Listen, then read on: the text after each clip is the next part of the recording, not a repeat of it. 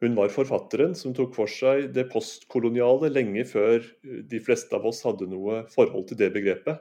Hun var en verdensomspennende forfatter, og samtidig distinkt britisk i sin fremferd og sitt forfatterskap. Vi skal snakke om Doris Lessing i dagens episode av Pod Britannia, en podkast fra britiskpolitikk.no. Jeg heter Øyvind Brattberg, og med meg her i dag har jeg min gode medredaktør og kollega Erik Mustad, som også er førstelektor ved Universitetet i Agder. We shall never surrender. The pride in who we are is not a part of our past. It defines our present and our future. The people of Scotland have spoken. England, Scotland, Wales, Northern Ireland, together taking us forward, unleashing the potential of the whole country. Erik, det er et uh, fundamentalt og omfangsrikt liv og forfatterskap vi, vi skal ta for oss uh, i dag. Doris Lessing levde uh, gjennom en lang etterkrigstid og helt inn i vår, vår egen tid. Født i 1919, død i 2013.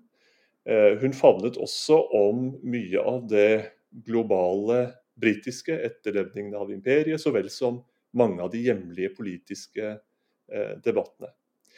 La oss dog starte et sted, og som eh, så ofte før så starter vi biografisk med, med hvor hun kom fra, og hva som på et vis la premissene for hennes eget liv født i Iran, men med eh, de vesentlige deler av egen barne- og ungdomstid i, i dagens Zimbabwe, den gang Sør-Rhodesia. Kan du utpensle litt hva alt dette dreide seg om?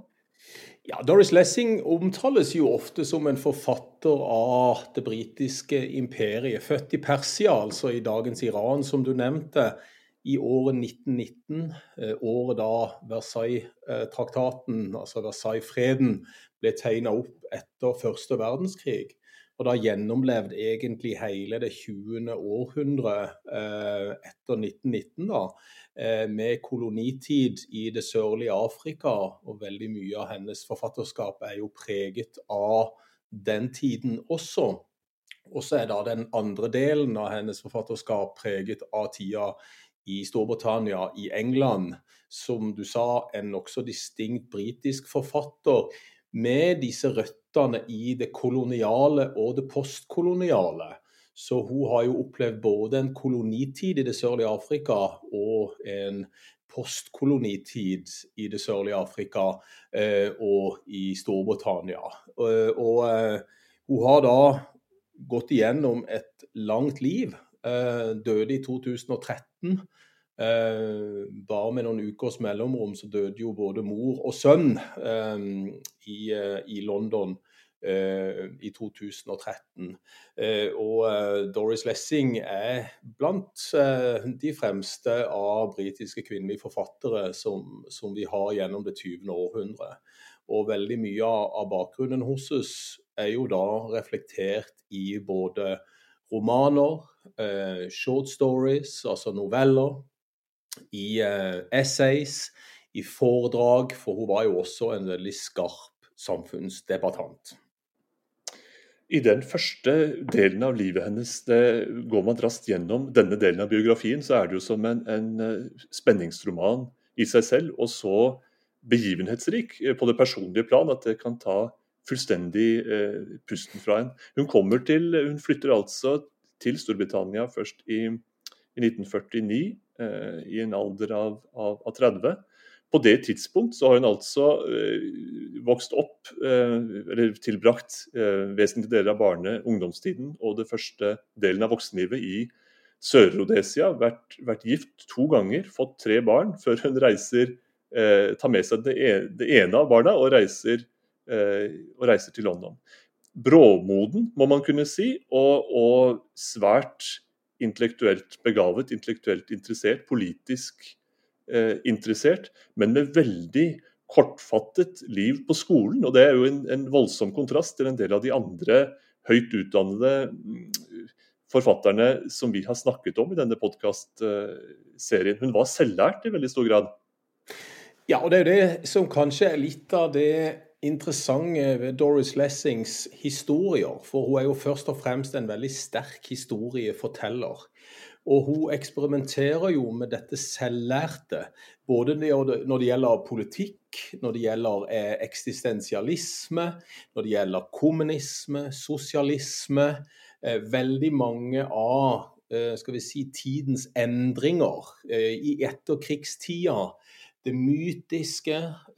Hun eksperimenterer med science fiction-sjangeren i veldig stor grad og, og, var jo da en veldig samfunnsbevisst borger, forfatter og debattant.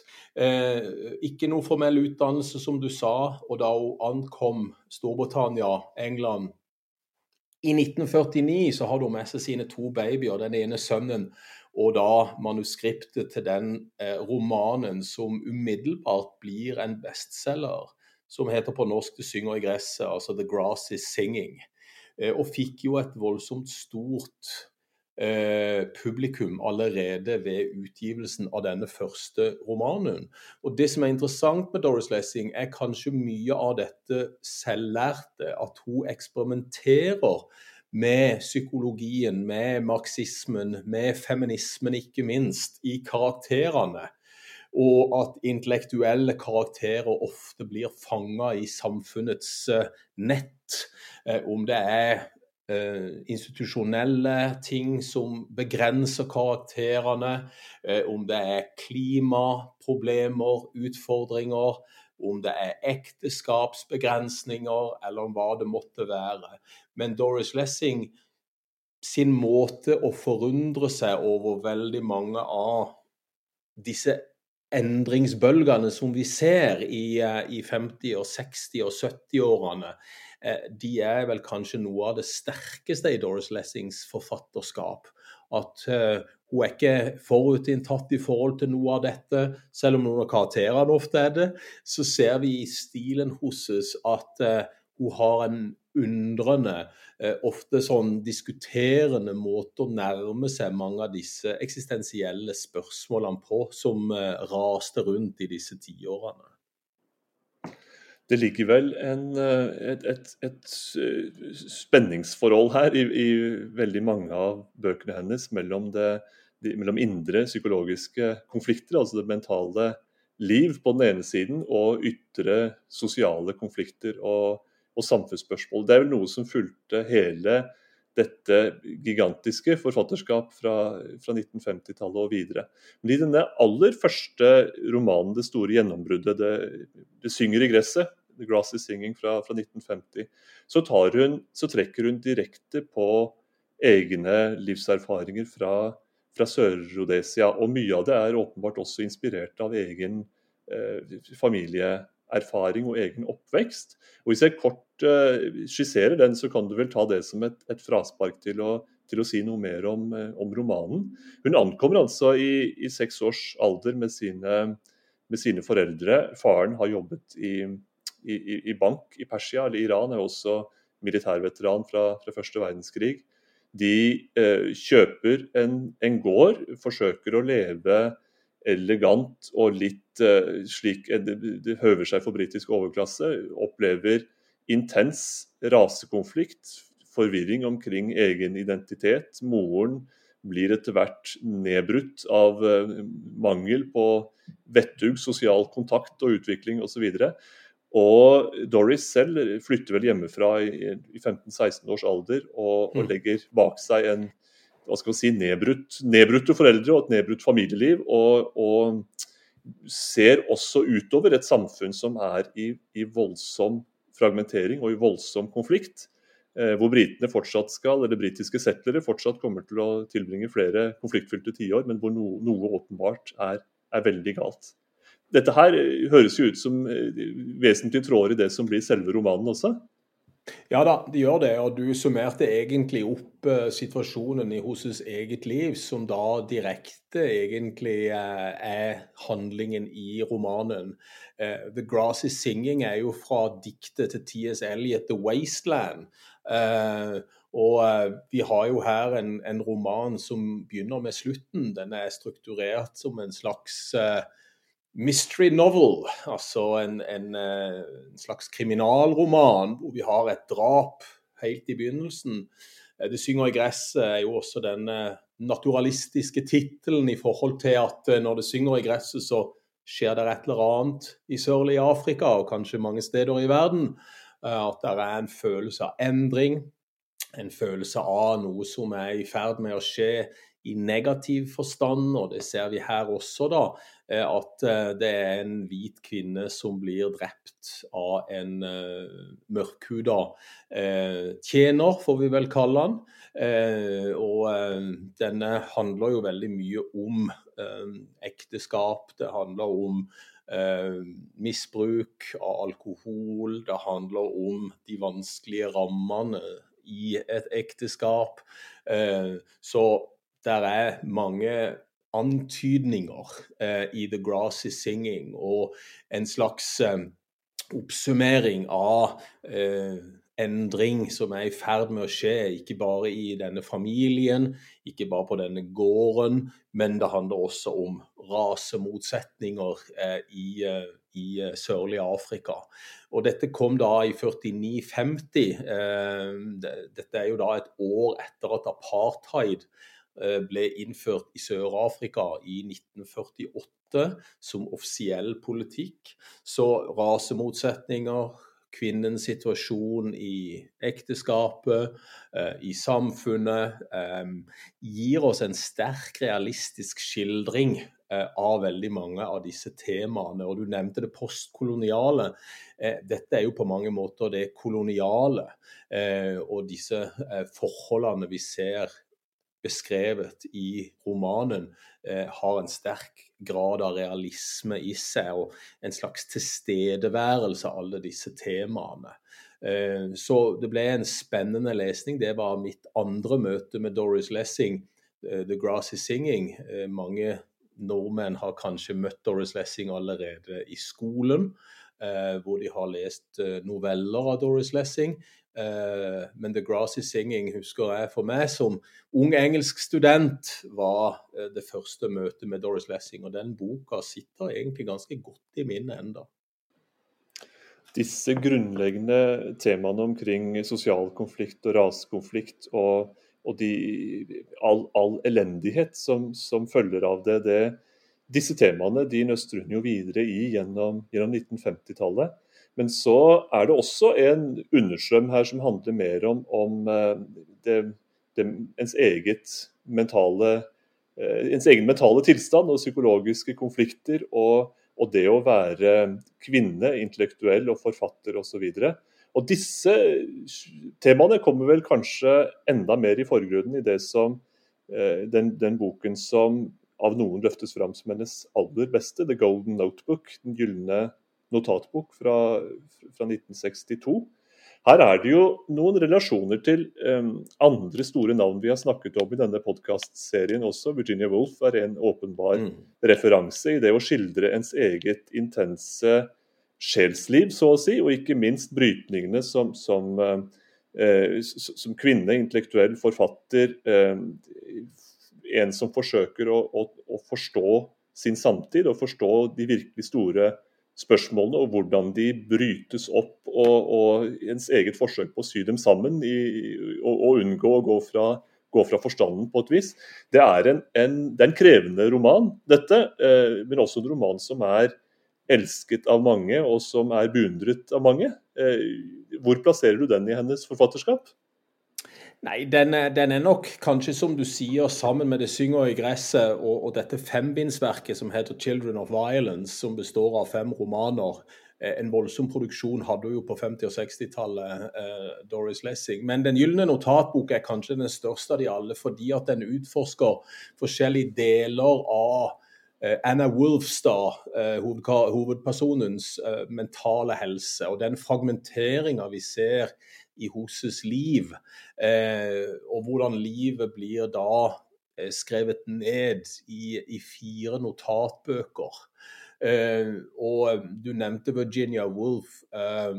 kanskje Mrs. Dalloway.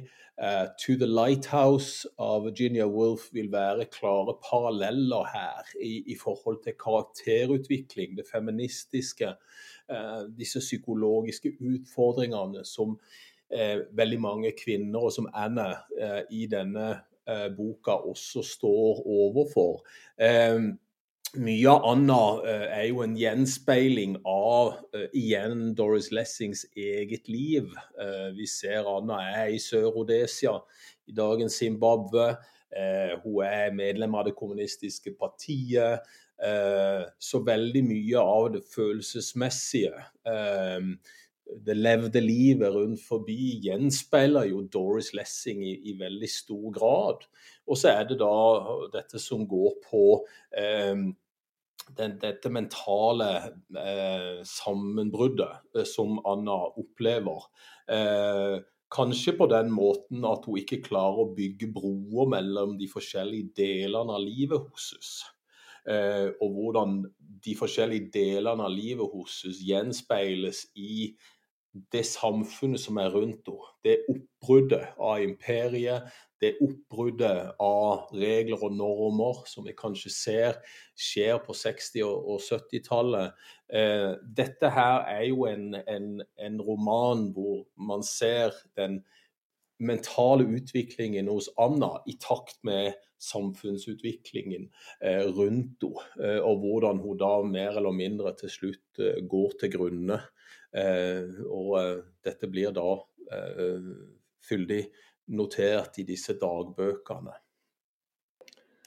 I de tiårene som, som, følger etter 1962, så skriver, så skriver Doris Lessing en, et stort antall både romaner, noveller, andre, andre tekster. Hun trekker videre på, på feminisme, psykologiske spørsmål, det, det, det samvær mellom høyst ulike typer mennesker i, eh, i, Storbritannia og arven fra et imperium som tynger på den britiske eh, syke, kan man, kan man, kanskje si. Men hun går også inn i noen eh, litt mer samtidsorienterte spørsmål om eh, politikk, aktivisme og Eh, terrorisme. Eh, og en av de titlene som er lett å merke seg hvis man er opptatt av vår tids eh, politikk og samfunnsspørsmål, er 'The Good Terrorist' fra, fra 1983, hvor hun også drøfter hvor hun henter noe inspirasjon fra Nord-Irland-konflikten og IRAs terrorisme, og forsøker å, mm. å, å, skildre den, forstå den på dens egne vilkår. Hvordan står den boka seg i dag, nesten 40 år senere? Jeg tror den eh, tilnærmingen som hun har til de samfunnsendringene som vi dels har snakka om, og som vi dels ser i, eh, i den boka du nevner fra, fra begynnelsen av 80-tallet, er også en gjenspeiling av den situasjonen som Storbritannia opplever med konflikten i Nord-Irland. Hvordan konflikt og terror påvirker hverdagslivet til så mange mennesker. Eh, og så er hun samtidig opptatt av det mystisistiske, altså det mytiske, eh, og det mystiske. Eh, det er to forskjellige ting, men, men eh, vi ser også at i akkurat The Good Terrorist så handler det om moralsk overbevisning. Det handler om hva som er rett, hva som er galt. og at dette her er relative størrelser som, som på mange måter er vanskelig å, å, å definere eksakt. Og, det er jo kanskje noe av det som vi også ser i, i andre bøker seinere i Hoses forfatterskap. At hun har en, en, en åpenhet eh, i forhold til å kategorisere. Eh, at hun er en forfatter som ikke nødvendigvis faller inn i en kategori med temaene sine, med karakterene sine eller med historiene sine. Eh, hun lar veldig ofte historiene være åpne. Hun lar ofte karakterene få velge fritt eh, hvordan livet deres skal utfolde seg.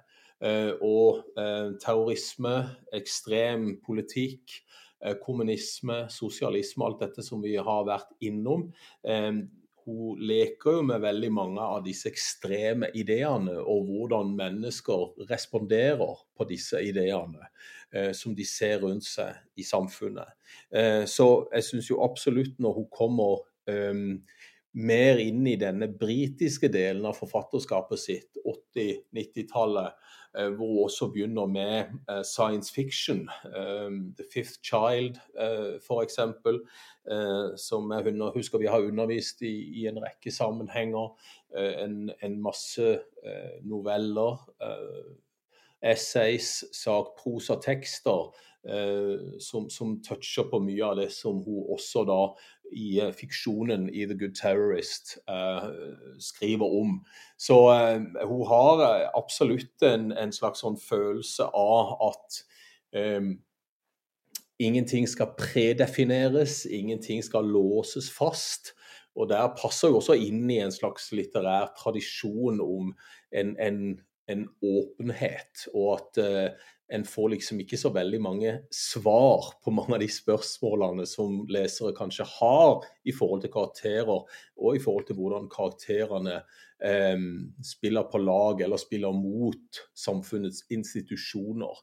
Eh, og Det er vel kanskje det som særpreger den andre delen av Hoses forfatterskap i mye større grad.